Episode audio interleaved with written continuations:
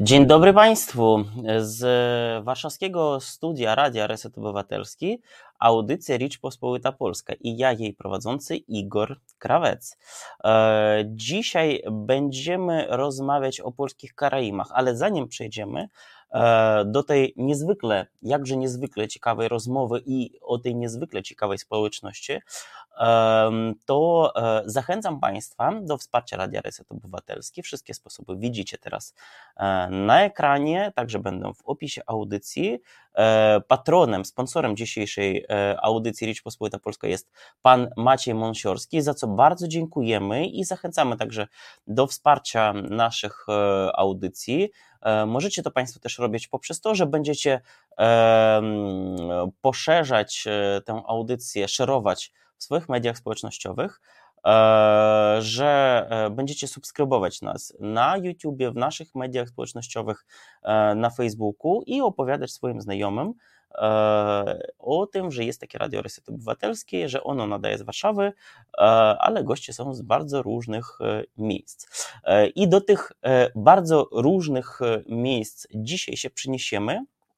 E, dzisiejsza moja e, gościni jest, e, to jest pani Mariola Apkowicz, która jest prezeską Związku Karaimów w Polsce, a na tle, u mnie teraz widzicie Knesetę w Kijowie, czyli karaimską świątynię. Co jest ciekawe, to jest świątynia, która została zbudowana przez takiego budowniczego Kijowa architekta Chorodeckiego, czyli Grodeckiego po polsku, który był z pochodzenia Polakiem który w Kijowie zbudował jedne z największych i najbardziej e, rozpoznawalnych miejsc. E, no i właśnie e, jednym z takich najbardziej rozpoznawalnych do dzisiaj miejsc w Kijowie jest Karaimska Świątynia, która znajduje się zresztą bardzo niedaleko polskiej ambasady w Kijowie. I dlaczego tak mała społeczność E, miała, no powiedzmy tak, takie olbrzymie, e, tak olbrzymie była, była widoczna w architekturze, w kulturze e, wielu miejsc i w Ukrainie, i na Litwie, i w Polsce. O tym właśnie będziemy rozmawiać z Mariolą. Mariolo, cześć, dzień dobry, dobry wieczór.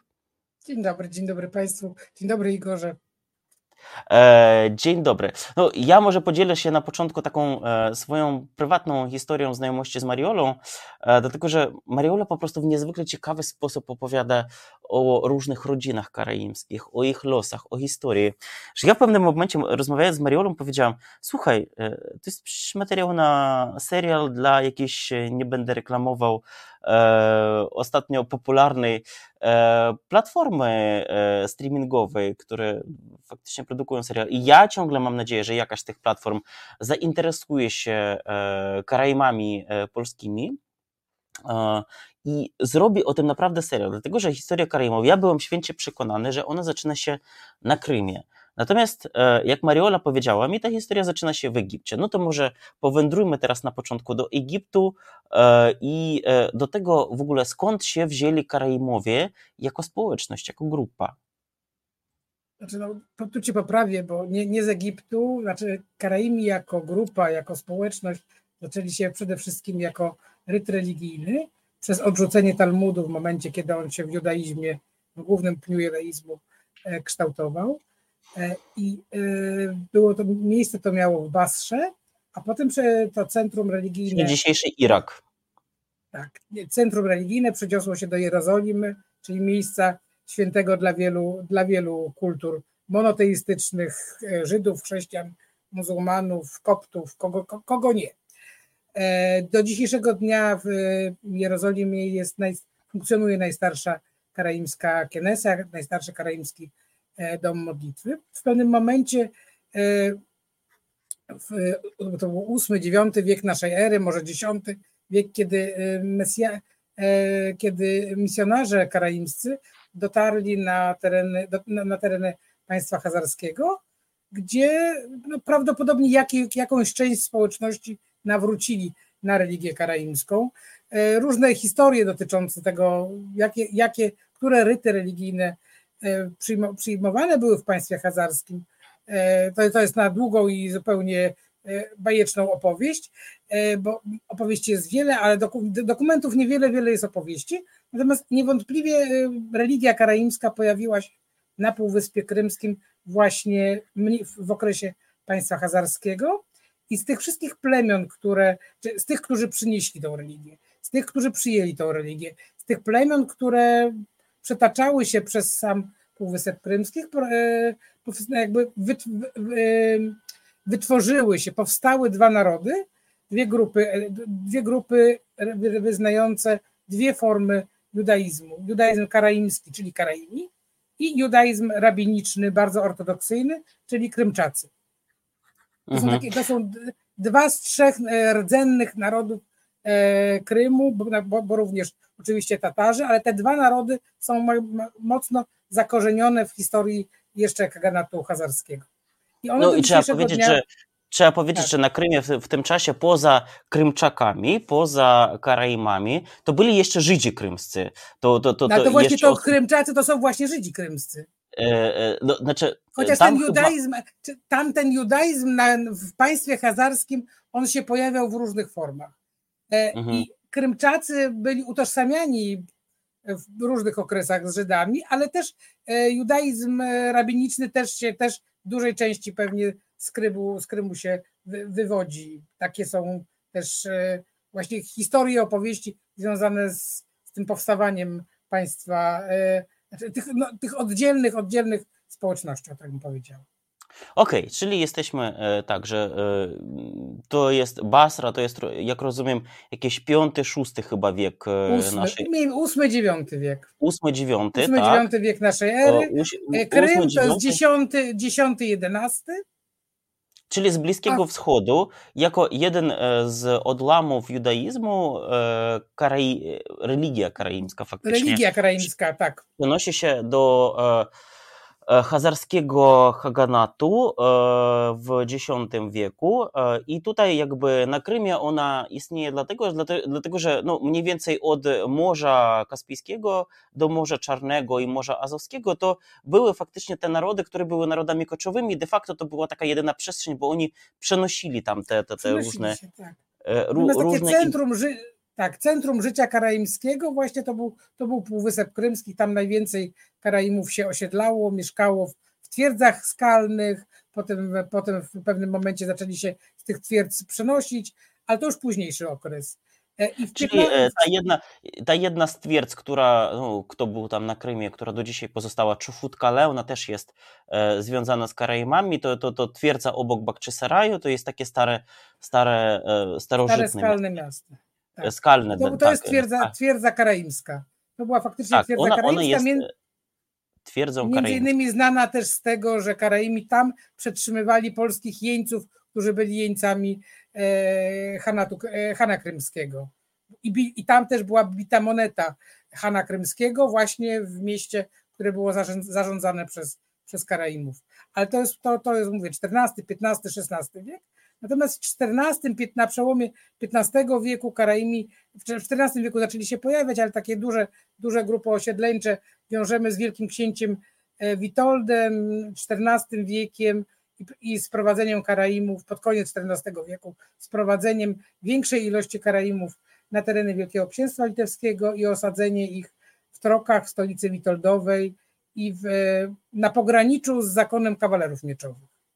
I to są właśnie to są właśnie te grupy osiedleńcze, z których wywodzą się moi przodkowie, również w tym czasie, trochę później, bo to mm, za czasów Lubarta, ale to jest mniej więcej ten czas historyczny, pojawili się Karaimi w Łódzku, prawdopodobnie 100 lat wcześniej pojawili się Karaimi w Haliczu, wiąże się to z księciem Danielem Halickim, to osiedlenie się Karaimów e, w Haliczu. Od tego momentu właśnie zaczyna się historia de facto Karaimów polskich i właśnie Halicz, Łuck, e, e, Troki i Wilno, jak rozumiem, to są takie największe centra kara, życia karaimskiego, aż do Karaimów polskich właśnie, aż do um, II wojny światowej de facto. Natomiast jeśli chodzi o na przykład o grupę społeczność Karaimów na Krymie, jak ona się rozwijała, jakie były kontakty E, tej grupy z Karaimami polskimi, dlatego że e, wielkie rodziny karaimskie, to co u mnie jest na tle, tak, mieszkały w Kijowie i e, to, byli, to były bardzo bogate rodziny. W Odessie i w Symferopolu zajmowali się na przykład przemysłem tytoniowym, cukierniczym, z tego co pamiętam, tak samo jakby mieli, ale to były bardzo zasobne rodziny karaimskie, przy tym, że to jest bardzo mała społeczność, podkreślmy. Jak to się tak stało i czy był u nich kontakt z Karaimami polskimi w tym czasie? To znaczy, po pierwsze, y, no mamy dwa, dwa okresy, dwa okresy takich duże okresy historyczne. Czyli w okresie I Rzeczpospolitej, właściwie jeszcze obojga e, Rzeczpospolitej obojga narodów, e, Karaimi między innymi służyli jako e, kurierzy na Krym, również prowadzili jakieś własne, własne biznesy, ci łódcy, między innymi konie, końmi się zajmowali, hodowali konie i wozili. Ci z Halicza też e, e, mieli jakieś biznesy z Krymem. E, cały czas był kontakt z Krymem, mniejszy lub większy, może w trokach troszeczkę mniej, ale na przykład w pielgrzymkach, które Karaimi też do swoich świętych miejsc przedsiębierali, trzeba było między innymi, jak, jak ktoś jechał z Trok, to musiał przejechać przez Krym, musiał trafić do, do Stambułu, tam też była społeczność karaimska, zanim dopiero dojechał e, do Jerozolimy.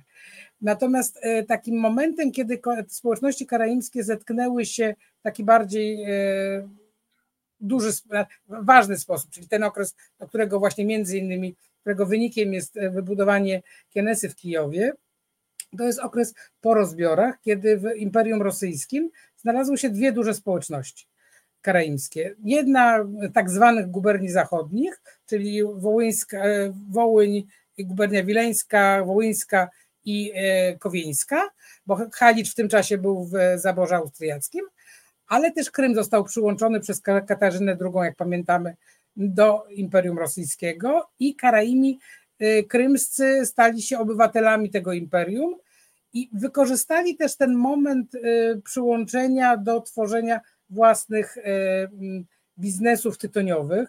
Karaimy byli największymi producentami tytoniu i wyrobów tytoniowych w Imperium Rosyjskim. Mieli tam kilkunastu milionerów rosyjskich było i między innymi w samym Kijowie było kilka, kilka czy kilkanaście fabryk karaimskich, to były fabryki, które były um, uprawy tytoniowe bardzo często miały na Krymie, ale też sprowadzali tytoń y, z, mm, z innych miejsc, tam gdzie ten tytoń różne, różnej jakości był z Turcji, z różnych, różnych miejsc sprowadzali tytoń i handlowali tym tytoniem w całej Europie. E, I między innymi dzięki temu, dzięki, znaczy dzięki też temu, że Karaimi, Karaimów nie dotyczyła e, zakaz osiedlania się w dużych miastach. Mieli prawo do prowadzenia, e, do prowadzenia swoich, mm, tworzenia tych fabryk i miejsc pracy i zatrudnienia ludzi. Powstawały społeczności karaimskie w Kijowie, w Melitopolu, w Charkowie, w Charkowie też jest Kienesa, w Melitopolu niestety została zniszczona, duża społeczność była w Odessie, były społeczności karaimskie również w Moskwie i w Petersburgu i z jednej strony to byli Karaimi krymscy, ale z drugiej strony po, e, w momencie, kiedy po e, powstaniach e, zaczęły się pojawiać problemy z edukacją na terenie guberni zachodnich, czyli Wileńszczyzny, nie można było się uczyć, to ci, którzy mieli możliwość, czy chcieli się uczyć, czy chcieli się uczyć dalej, trafiali do szkół między innymi w Odessie, trafiali do szkół w, mm, w Moskwie czy w Petersburgu. Jednym z takich młodych, młodych ludzi, który trafił, e, trafił do Odesy, do szkoły, do szkoły wojskowej, był poeta karaimski Szymon Kobecki, który pierwszy tomik świeckiej poezji karaimskiej w 1904 roku wydał właśnie w Kijowie, w takiej znanej e, e, ukraińskiej drukarni e, Kulżenko. I to jest tak naprawdę najważniejsza świecka publikacja karaimska. Także te kontakty pomiędzy Karaimami, Karaimami krymskimi i Karaimami polskimi były przez cały okres Imperium Rosyjskiego bardziej, bardziej intensywne, ponieważ również Karaimi krymscy zaczynali korzystali z tych, e, mm, z tego pomysłu na, na, z pomysłu na biznes, jakim był właśnie przemysł tytoniowy i między innymi jedna z, z rodzin karaimskich, dwóch braci z Poniewierza wyjechali do Wilna, z Wilna do, z Poniewierza wyjechali do Wilna, z Wilna pojechali do Moskwy, a z Moskwy pojechali do, do Harbinu, gdzie założyli fabryki tytoń, fabrykę tytoniową, która działa do dnia dzisiejszego pod ich nazwiskiem braci Łopato. Także ten przemysł rzeczywiście był ważny. Osiedlali się też Karaimi Krymscy y, w Warszawie w tym czasie i tak naprawdę mm, w, dziś, w dzisiejszych granicach polskich to właśnie Warszawa jest tym miejscem, gdzie Karaimi, naj, gdzie mamy najsta, najdawniejsze ślady karaimskie, czyli od połowy XIX wieku, ponieważ no, jak wiemy Łuck, Halicz czy Troki i Wilno dzisiaj są w, w e, Ukrainie czy, w, czy w granicach, e, są częścią Ukrainy albo Litwy. Mhm. Natomiast e, jeśli my popatrzymy na okres międzywojenny, czy jakoś zmienia się życie karaimskie w Polsce? W jaki, w jaki sposób funkcjonuje ta społeczność? Znaczy, okres międzywojenny był bardzo interesującym i bardzo takim ważnym okresem dla, dla społeczności polskiej, bo po pierwsze, tak jak cała, cała Polska musiała się, od, odbudowywała się e, po rozbiorach, odbudowywała swoją państwowość, kulturę, język, ponieważ wszystko to musiało być od nowa budowane. Struktury. Karaimi również, e, również byli częścią tego wielkiego procesu. E, Karaimi też, znaczy w okresie mm, końcówki I wojny światowej, czy, czy nie końcówki, środka wojny w 1915 roku, e, Karaimi niestety ci z mm, Wileńszczyzny musieli wyjechać ze swoich domów. E, to, się, to dzisiaj nazywamy to bieżeństwem. Najwięcej, jeżeli Państwo słyszeli to pojęcie, to w kontekście Białorusinów i pogranicza z Podlasia. Tak. tak, ale to dotyczyło tak naprawdę całej Wileńszczyzny i również Karaimów. Karaimi w tym czasie musieli wyjechać i potem po, kilku, po kilku latach wracali do, wracali do swoich domów, ale wracali i ci, którzy wyjechali w 15 roku, ale również ci, którzy pracowali gdzieś w dużych miastach gubernialnych i między innymi e, jednym z dwóch, dwóch takich bardzo wybitnych dla społeczności karaimskiej braci, było kuzynów właściwie, nie braci, był Emanuel Kobecki i Emil Kobecki. Emanuel Kobecki był wiceprezesem e, Wileńskiego, Wileńskiej Izby, Wileńskiej Izby Kontroli, ponieważ uważał, że być prezesem Karaimowi nie, nie uchodzi. Natomiast e, Emil Kobecki był sprowadzony takim glejtem, listem polecającym przez e, e, Wincentego Witosa do Warszawy i między innymi pracował w korporacji, która odtwarzała banki polskie, tworzyła banki polskie, a potem przez do końca życia właściwie, a zmarł w czasie okupacji, pracował w Naczelnej Izbie Kontroli, był dyrektorem departamentu w ostatnim okresie. W okresie II wojny światowej w jaki sposób Holokaust dotknął społeczności Karaimów? Czy Holokaust społeczności karaimskiej nie dotknął? Znaczy, nie, do, nie dotknął, e, wojna dotknęła tak jak wszystkich innych. Natomiast właśnie to jest e, po, po, po, po zakończeniu I wojny światowej duża liczba młodych Karaimów z Krymu, głównie żołnierzy, wyjechała do Europy, biały, tak zwanych białych Karaimów. Między mhm. innymi jedna z grup mieszkała w Berlinie. Było to było kilka, kilkanaście osób. I w momencie, kiedy weszły, zaczęły wchodzić w życie ustawy norymberskie i oni musieli się określić, kim są. Zaczęli, zaczęli prowadzić bardzo taką aktywną politykę dotyczącą jakby pokazania, że są Karaimami, że ich nie powinny dotyczy, dotykać ustawy norymberskie. Po prostu walczyli o życie i o przetrwanie, ale już od 1936 roku.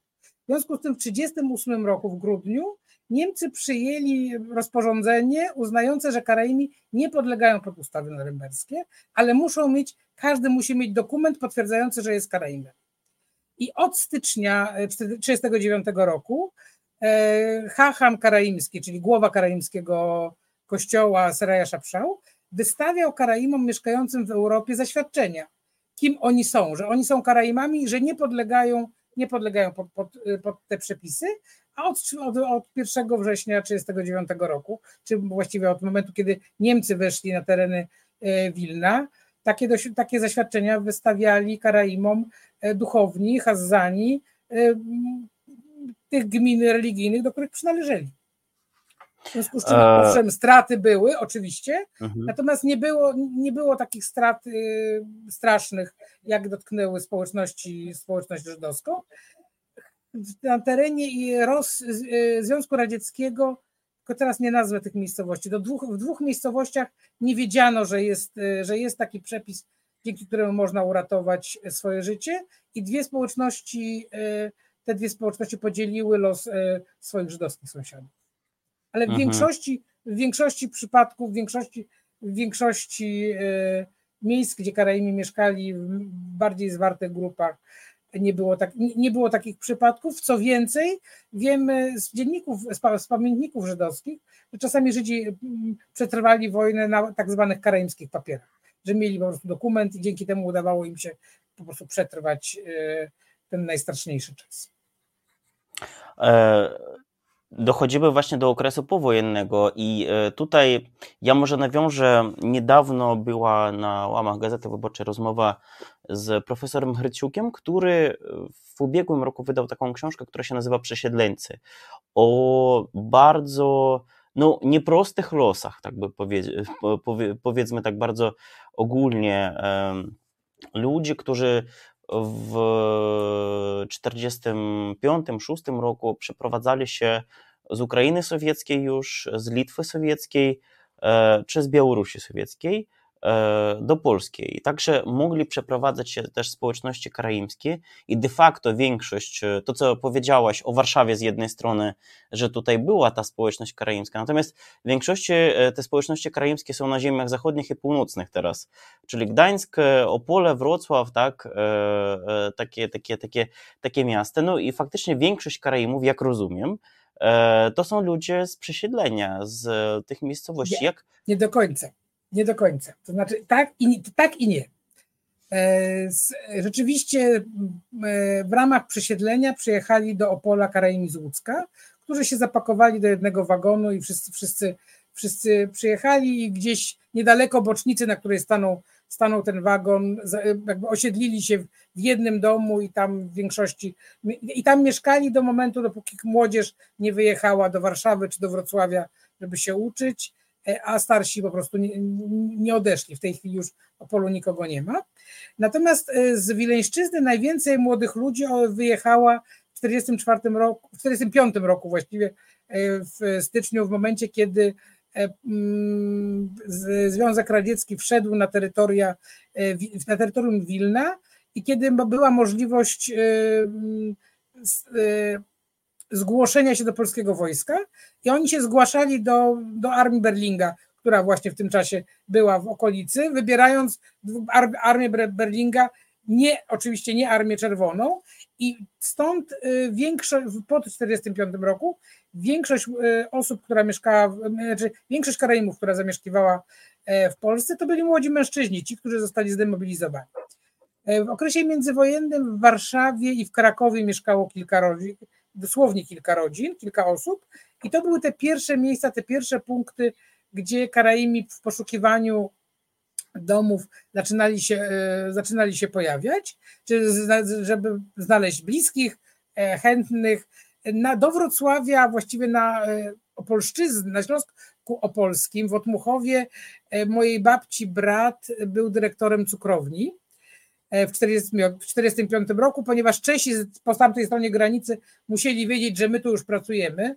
E, Józef Firkowicz był dyrektorem cukrowni, pracował w cukrownictwie jeszcze w okresie międzywojennym. On przetrwał, e, przeżyli okres wojenny w Krasińcu i w momencie, kiedy w 1945 roku jego bratankowie, kuzyni czy znajomi zaczynali szukać kontaktów, to część z nich trafiała właśnie do, do Józefa Firkowicza, gdzie to była, to była ich pierwsza praca przy kampanii cukrowniczej, ale też pierwsze pieniądze, które pozwalały im na rozpoczęcie nowego życia. E, kilku, kilku, kilku kilkunastu e, młodym, kilku właściwie osobom udało się przejść przez granicę, z Wil, przyjechać przez granicę, ale to były naprawdę wyjątkowe przypadki, ponieważ Litwini Karaimów nie wypuszczali. Wiesz, jest założenie, że jeżeli. Właśnie, bo wielki książę Witold bo wielki książę Witold Karaimów sprowadził do Trok, to nie ma żadnych powodów, żeby Karaimi wyjeżdżali. Więc ci, którzy wyjeżdżali, wyjeżdżali albo nie ze swojej stacji, albo, albo na polskich papierach, albo tak jak profesor, późniejszy profesor Szymon Pilecki, któremu porwali dokumenty, po prostu wsiadł do pociągu, bo wiedział, że jest na liście granicznej. I gdyby nie podjął tej decyzji tego dnia, to nie miałby szansy na wyjazd. I on przejechał przez granicę i potem między innymi był y, studentem pierwszego roku Politechniki Wrocławskiej. Więc rodzin było bardzo niewiele, dziewcząt było, były, niezamężnych dziewcząt były dwie chyba czy trzy dziewczyny, a tak później część, część z tych mężczyzn, y, którzy osiedlili się na terenie Polski po 1958 roku, jak granica zaczęła być otwarta znowu, e, sprowadziło sobie żony z, z Wilna czy Strok. No i stąd po 1945 roku w, e, społeczność szacowała, że, że jest e, ich około 200 osób i to była właśnie Warszawa, gdzie życie między innymi karaimskie, religijne i organizacyjne skupiało się wokół osoby profesora Ananiasza Zajączkowskiego, turkologa i orientalisty. E, to, był, to było właśnie Opole, gdzie Karaimi łódcy, łódcy przede wszystkim, ale kilku z Halicza też tam mieszkało. To był Wrocław, gdzie tu była taka największa mieszanka, ale tutaj był uniwersytet, Politechnika i Uniwersytet. I oni zaczęli, przy, przyjeżdżali do Wrocławia, żeby się, żeby się uczyć i między innymi na Sempolnie we Wrocławiu, koło siebie, tam w, w rejonie kilku ulic, e, po prostu zajmowali mieszkania, tak żeby mieszkać blisko siebie. E, I kobiety, te, które ma, bo tam między innymi jedna, jedna, jedna z kobiet prowadziła taką kuchnię dla, dla karaimskich chłopaków, to w ten sposób utrzymywała się, a to była tylko jedna z dróg, bo byli tacy, którzy wracali z Kazachstanu innymi drogami, byli tacy, którzy, tak jak właśnie mąż tej kobiety, o której mówiłam, e, Zofii Łopato, Józef Łopato, który w pierwszej, przed pierwszą wojną światową był rosyjskim oficerem, białym rosyjskim oficerem. Pierwszej wojnie światowej walczył jako oficer. E, w 1942 roku został aresztowany i wywieziony z powodów politycznych na Białe Niedźwiedzie. Trafił do Andersa jako szeregowiec. Nie przyznał się do tego, że ma wykształcenie, że jest zawodowym oficerem. W związku z mhm. czym skończył drugą wojnę światową w niższym, z niższym stanowiskiem wojskowym niż, e, niż, ją, niż ją zaczynał i próbował ściągnąć e, żonę i synów do siebie na, na, na zachód, planował wyjazd gdzieś być może do, do Argentyny, no ale to się nie udało. Jeden z, jeden, jeden z najstarszych syn, który uciekał który był, walczył w partyzance wileńskiej i uciekał, uciekał przez zieloną granicę, ratując sobie, sobie życie. Jemu się udało przeskoczyć, a żonie z młodszymi, młodszymi synami się nie udało i Józef Łopato przyjechał do Wrocławia do żony. E, no i pracował tutaj w melioracji i jakby udało mu się tak, tak mm, zaczarować swój życiorys, że chyba nie miał żadnych problemów ze swoją przyszłością e, syna obszarnika, oficera y, rosyjskiego i właściwie posiadacza ziemi w okresie międzywojennym. Jest pytanie. Niezwykle od... barwna i ciekawa historia. Tak, hmm? tak, tak, niezwykle. Jest pytanie od Wojciecha Polaka, które nie wiem jak zadać, ale to jest w ogóle ciekawe pytanie o kraimskie nazwiska i imiona. Czy profesor Szymon Pilecki, specjalista od inżynierii samolotowej, był spokrewniony z Witoldem Pileckim, czy tylko przypadkowa zbieżność nazwisk? Ja ze swojej strony od razu powiem, że ja znam e, jakby, on teraz jest znanym dziennikarzem opozycyjnym białoruskim, Alesia Pileckiego, który pochodzi właśnie z podprawie Wilna, czyli z białoruskiej strony granicy. Czyli to jest rozpowszechnione na tym terenie w ogóle nazwisko, ale w ogóle pytanie o nazwiska, e, które one, one, one są? To znaczy karaimskie nazwiska, znaczy nie, ma, nie, nie można powiedzieć, że są nazwiska, które są tylko i wyłącznie karaimskie, ponieważ Karaimi mieli przede wszystkim imiona patronimiczne, czyli od, pochodzące od ojców, ale po nazwisku możemy, możemy stwierdzić, skąd Karaim pochodził, bo system nazewniczy był, czy te nazwiska się kształtowały każdej miejscowości troszeczkę inaczej. W Trokach mamy, gdzie prawdopodobnie wcześniej nazwiska się niektóre pojawiały, mamy odprzezwiskowe nazwiska, ale od polskich wyrazów, czyli mamy Szpakowskich, mamy Zajączkowskich, mamy yy, Robaczewskich, między mhm. innymi e, Eugeniusz Robaczewski był Karaimem z Łódzka, taki aktor, e, znany polski aktor. Natomiast jeżeli chodzi o, o znaczy profesora Pileckiego, bo to właśnie on, on prze, prze, przeskakiwał przez tą granicę za nauką i za szkołą i za, za, za państwem, którego był obywatelem. Znaczy, nie mamy żadnych bezpośrednich dowodów, że e, rotmistrz Witold Pilecki e, miał pochodzenie karaimskie. Natomiast pośrednie, natomiast pośrednie, jak gdzieś czytałem kiedyś taki pogłębiony życiorys e, o, o rodzinie, o rodzinie Pileckich, że oni pochodzili z okolic Poniewierza, z okolic Nowego Miasta. No tak, to nie było nazwisko Pileckie herbowe, tylko to było nazwisko Pileckich z okolic Nowego Miasta. Nowym nazwisko Pilecki, karaimskie nazwisko Pilecki jest właśnie z Nowego Miasta. Tam była gmina karaimska, to są okolice e, właśnie e, Poniewierza. E, I na listach tak zwanych rewiskich skazkach, które mhm. były, to były takie spisy ludności sporządzane na dany dzień przez 10 takich spisów było. O tym między innymi pisał Gogol w swojej znanej powieści, ale one dotyczyły również społeczności karaimskiej i one pokazywały status danej społeczności pomiędzy jednym a drugim spisem. I na rewiskich skazkach z Nowego Miasta mamy takie zapisy, e, mamy takie zapisy, że iluś tam, jakiś coś tam pileccy przyjęli religię chrześcijańską. Mhm. Prawdopodobnie katolicyzm. E, więc być może pra, pradziadek Witolda Pileckiego był karaimem, który zmienił religię. Być może ale to jest tylko absolutnie. No tak, ale z drugiej strony to jednak e, i wśród Litwinów wiem, że tam akurat z tego terytorium ale to się pojawia, tak. Pilecki też. E, chodzi o to, że to po prostu na tym terytorium to dość rozpowszechnione nazwisko tak. i to różnych narodów, tak? To jakby tak. pojawiło tak się samo wcześniej. Jak nazwisko niż... Juchniewicz. Moja mama z domu jest moja mama z domu była Juchniewicz, ale nazwisko Juchniewicz występuje u Karaimów, u Białorusinów i u Litwinów. A. Tak, to jest tak, tak. u Polaków też. Także te nazwiska, zwłaszcza nazwiska. Chyba, takie... chyba ministerka, ministerka czy ministerka litewska jakaś była Juchniewicz, nie? Czyli no, Juchniewicz de facto. Może, tak? Juchniewicz, może, może. Znaczy, no, no tak. to, się, to się jakby pojawia. E, chyba naj, najbardziej takim charakterystycznym nazwiskiem jest nazwisko Kobecki, bo ono najwcześniej się pojawiło e, jako nazwisko takie w formie stałej, przenoszonej z ojca na syna w, gdzieś w XVI-XVII wieku e, i ono chyba nie występuje u, poza społecznością karaimską, albo, albo e, nie ci, którzy, jeżeli się gdzieś pojawia, to my wiemy, jak są spokrewnieni. Podobnie jest z Apkowiczami. Apkowicze to głównie Karaj, to są Karaimi. Znaczy ci Apkowicze w Polsce, którzy mieszkają, to są bli, bliżej lub dalej ze mną spokrewnieni. Są, no właśnie, właśnie ja chciałam do twojej prywatnej historii przejść, bo ty jesteś wnuczką w ogóle ostatniego polskiego Hazana, czyli e, e, religijnego zwierzchnika społeczności karaimskiej.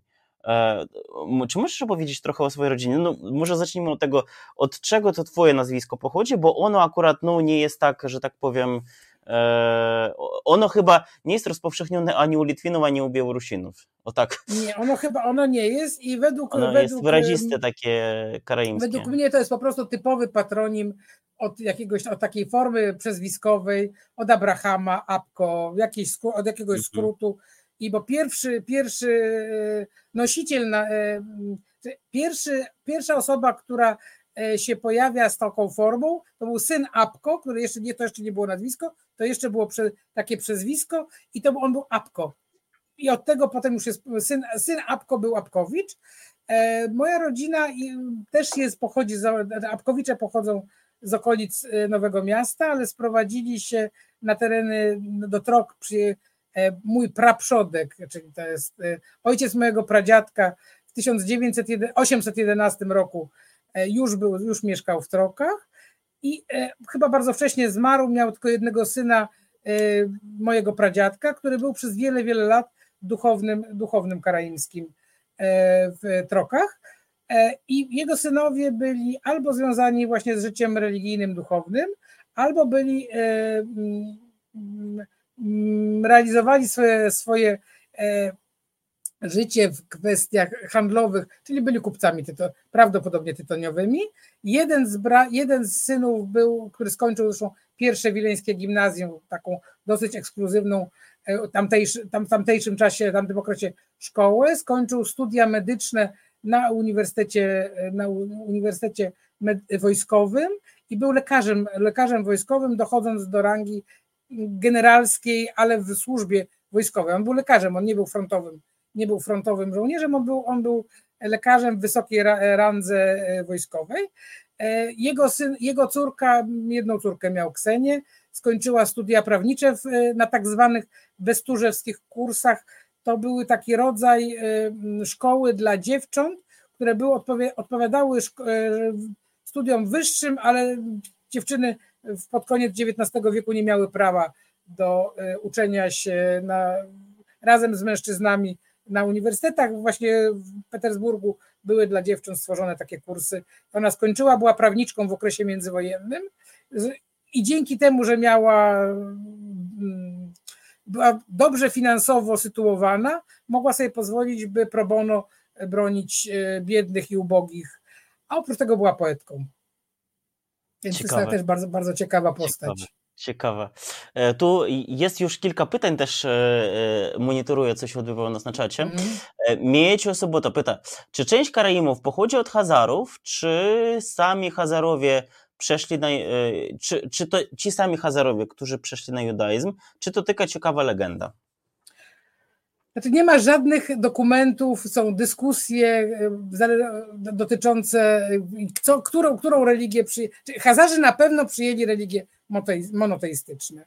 E, przyjęli judaizm, przyjęli judaizm w dwóch formach, przyjęli islam, pozostawali przy swoich religii, religii własnej, przy tengrianizmie. Podobno nawet niektórzy wszystkie cztery religie wyznawali w jednym czasie, zaczynając świętować od od piątku kończąc na niedzieli, bo też chrześcijaństwo... Akurat dla wielu społeczności w tym czasie było normalne. Ale to, to było... No... Tak, tak, oni, oni jakby tak. uważali, że to jest kolejny Bóg, któremu, którego lepiej Bóg, będzie, tak. będziemy tak. tutaj stawiać, tak? Jakby wtedy mogło ich być tysiąc, kilka tysięcy. Tak, tak dokładnie, więc tak naprawdę nie, o, o samym państwie Hazarów jest bardzo niewiele, niewiele dokumentów, one są bardziej pośrednie. Historie dotyczące e, religii wyznawanych przez Hazarów są e, też z pośrednich listów, są taki znany list Józefa, opowieści i różne opowieści. E, więc czy Karaimi pochodzą od Hazarów? Nie ośmieliłabym się tak powiedzieć. Na pewno są związani z tamtym okresem i z plemionami, które przyjęły religię na tych, i mieszkały na tych terenach. Natomiast e, nie ma żadnego namacalnego dowodu ani na przyjęcie religii żydowskiej, judaizmu rabinicznego, czyli religii, którą wyznają Żydzi, ani żadnej innej religii, bo tak naprawdę ten związek wolnych plemion funkcjonował, istniał, a potem się rozpadł. I nie ma po nich, nie, nie została po nich literatura czy dokumenty bezpośrednie, których moglibyśmy oceniać, kto jaką religię e, e, przyjął. My nie wiemy tak naprawdę dokładnie, nie ma też żadnego dokumentu potwierdzającego moment osiedlenia się w sposób stały Karaimów w Wielkim Księstwie Litewskim. To był ten czas, kiedy albo nie było dokumentów, albo się dokumenty regularnie paliły, bo gdzieś ktoś przyszedł, jakiś jeden drugiego spalił, kiedy budynki drewniane się spaliły, książki się spaliły i tych, tych opowieści mamy, znaczy są, to są, jest szereg różnych badań, ale to, to nie są takie badania, o których można powiedzieć, że tak, na 100% było tak, a nie inaczej. Nie ma, dopóki nie będzie wehikułu czasu, to się nie dowiemy. E, no i dalej jakby to już raczej dygresja od e, e, pana Soboty, tytuł duchownych karaimskich. Chociaż rozumiem, że to nie, nie jest duchowny karaimski Hachan, to jest tylko przywódca gminy jakby. Spo... Nie, to nie, jest duchowny, nie. tak? Ty, e... Znaczy, jego komentarz. Tytuł duchownych karaimskich Hachan Hagan kojarzy się z tytułem władcy hazarskiego Kagan.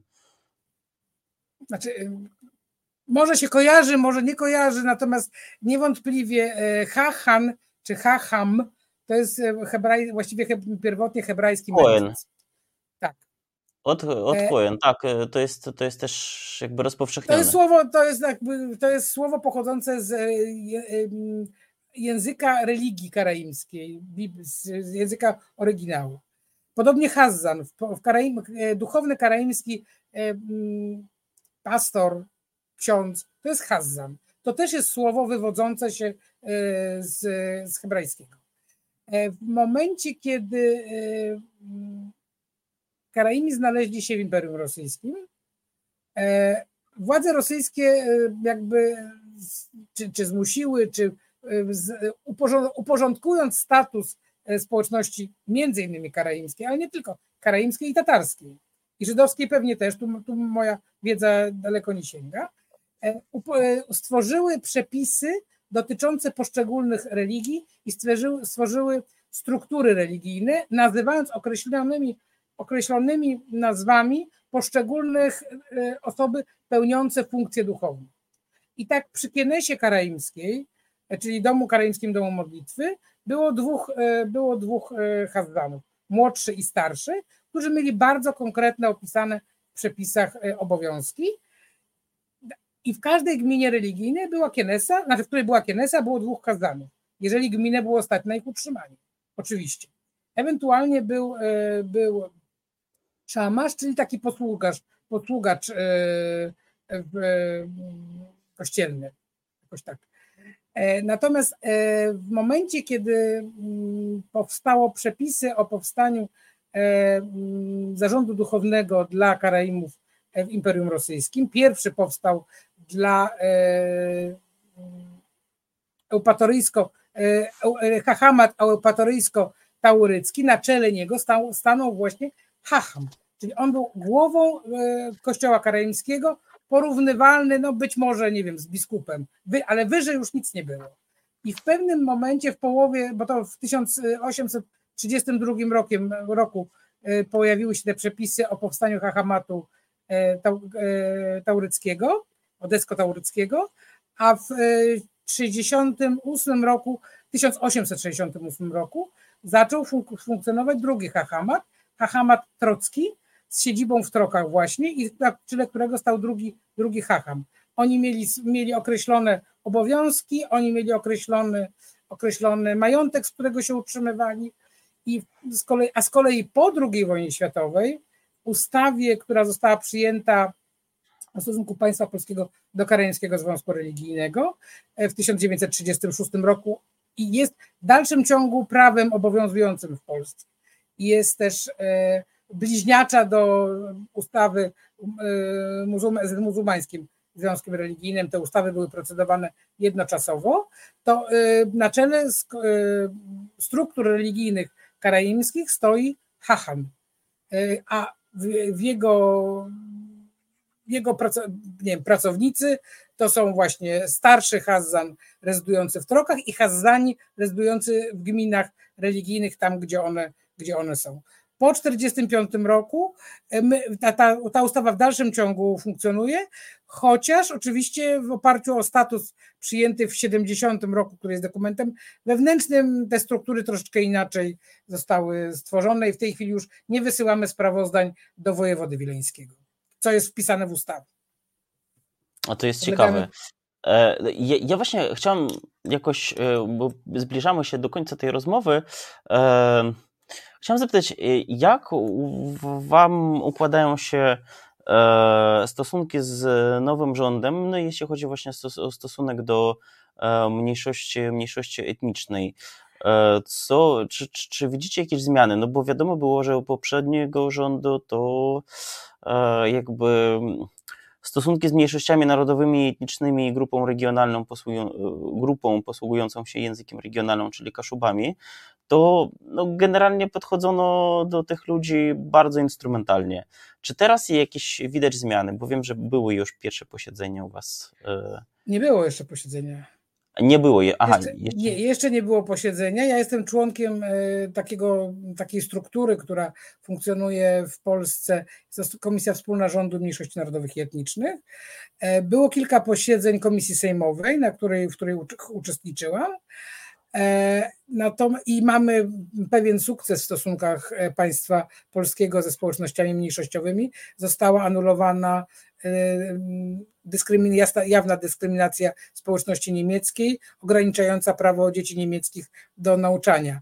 Ten przepis został anulowany i to już jest jakby ogromny sukces nas wszystkich i wszystkich, wszystkich społeczności mniejszościowych. Wszystkie dzieci są w, w równym prawie.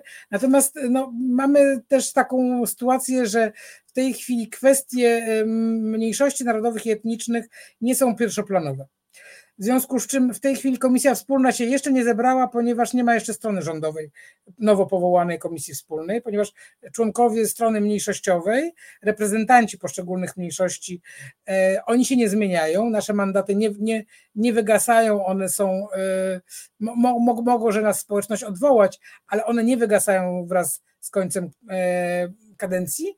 Natomiast do momentu powołania nowych przedstawicieli nowych ministerstw i nowego współprzewodniczącego komisji po prostu nie ma strony rządowej. W związku z czym na razie, na razie jeszcze, jeszcze się e, żadne posiedzenie nie odbyło.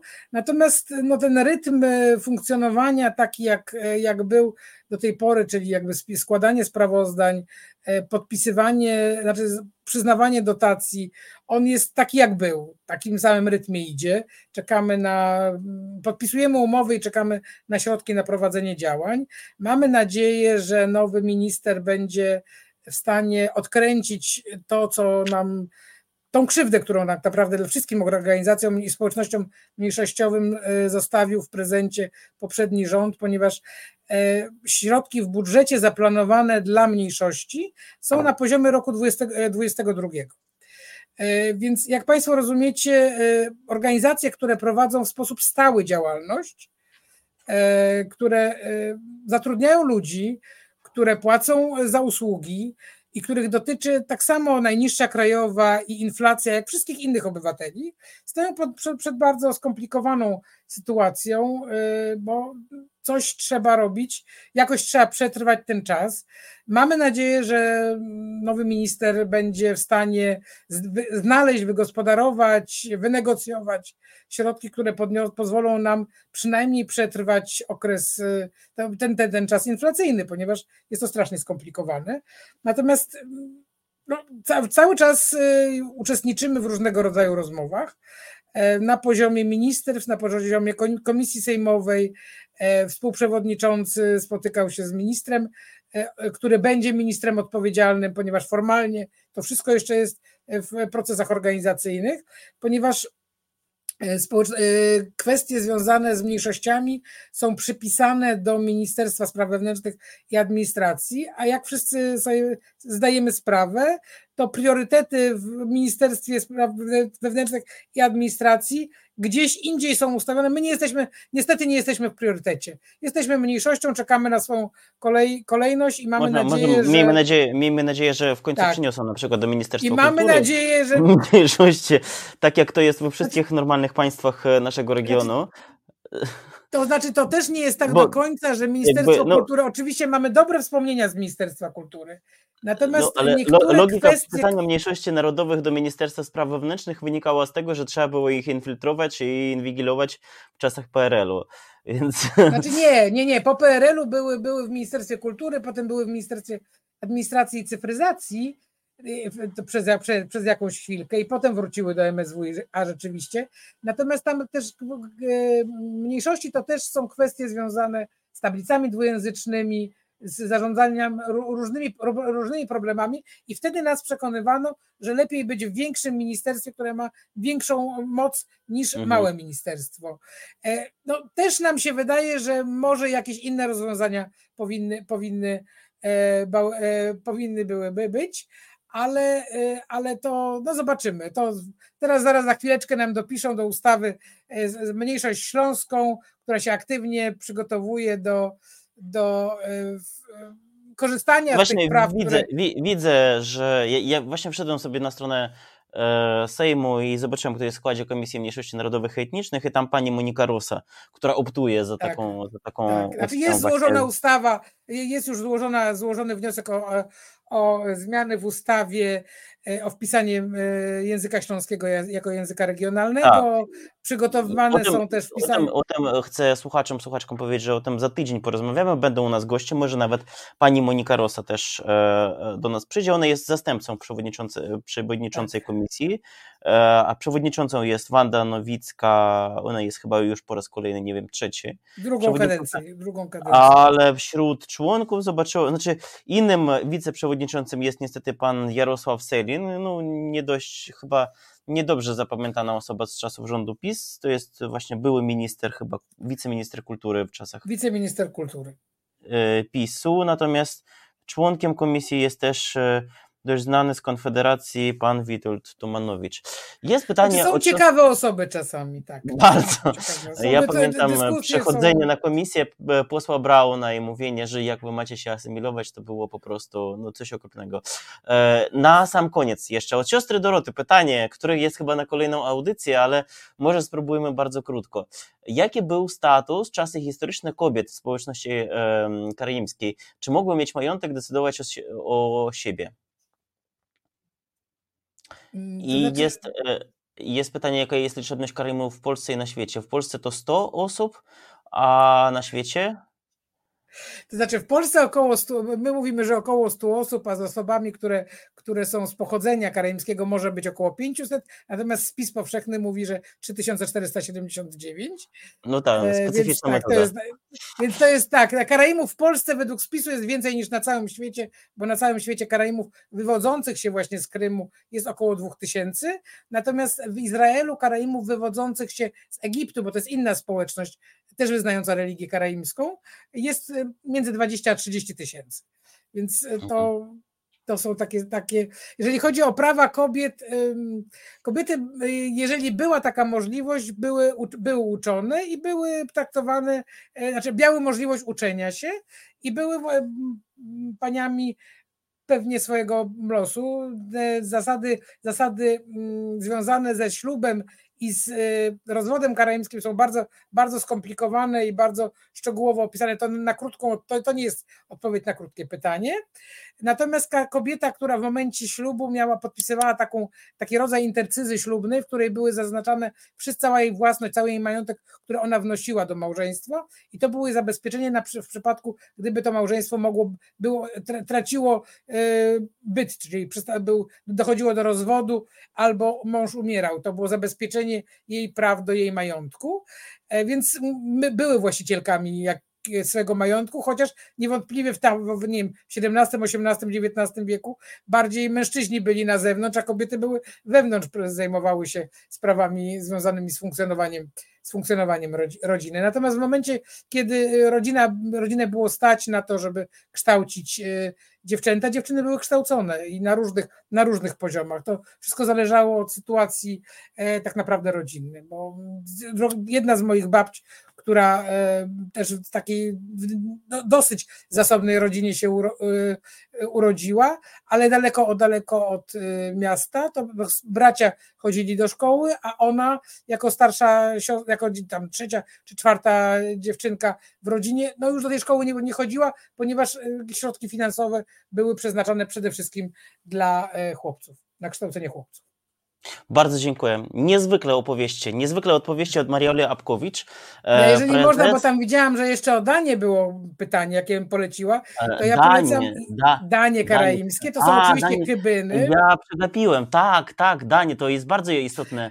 Kwestia To, jest, karaimskiej. to są kybyny i można trafić, można znaleźć w Aha. naszym czasopiśmie, które wydajemy, Almanach Karaimski, ono jest dostępne w sieci, można znaleźć Albo można przepisy moje. kupić nad tym świetnym jeziorem, tam są wszędzie. Ale, ale trzeba wiedzieć gdzie. Ale Trzeba wiedzieć, w wiedzieć, której gdzie. restauracji są karaimskie. No Nie tak, ale, ale to jest, jakby tam rzeczywiście taka ciekawostka karaimskie, turystyczna. tak. Wszędzie tam są kibiny. I- można E, też tak. znaleźć, kyby, tak, na Litwie ky- karaimski kybyn stał się litewskim fast foodem. To też jest to Tak, tak, tak. To, to rzeczywiście prawda. To i w Wilnie też jest e, tego dużo, Tak, wszędzie, ale Na Litwie wszędzie kybyny można kupić, niekoniecznie są one karaimskie. Ale kybyny to Tak. jest takie podstawowe, sztandarowe danie karaimskie. Bardzo dziękuję. Niezwykle odpowiedzi od Marioli Apkowicz, prezeski e, Związku Karaimów w Polsce. Bardzo dziękuję. Mam nadzieję, że nie po raz ostatni w tej audycji jesteś gościnią. E, jeszcze raz mówię, że Miło mi za tydzień porozmawiamy o Ślązakach, o języku śląskim, właśnie na temat, który trochę zahaczyliśmy dzisiaj. E, I zapraszam za tydzień. To, był, to była audycja Ricz Pospolita Polska. Igor Krawec, gościni Mariola Apkowicz. Dziękuję bardzo. Dziękuję bardzo.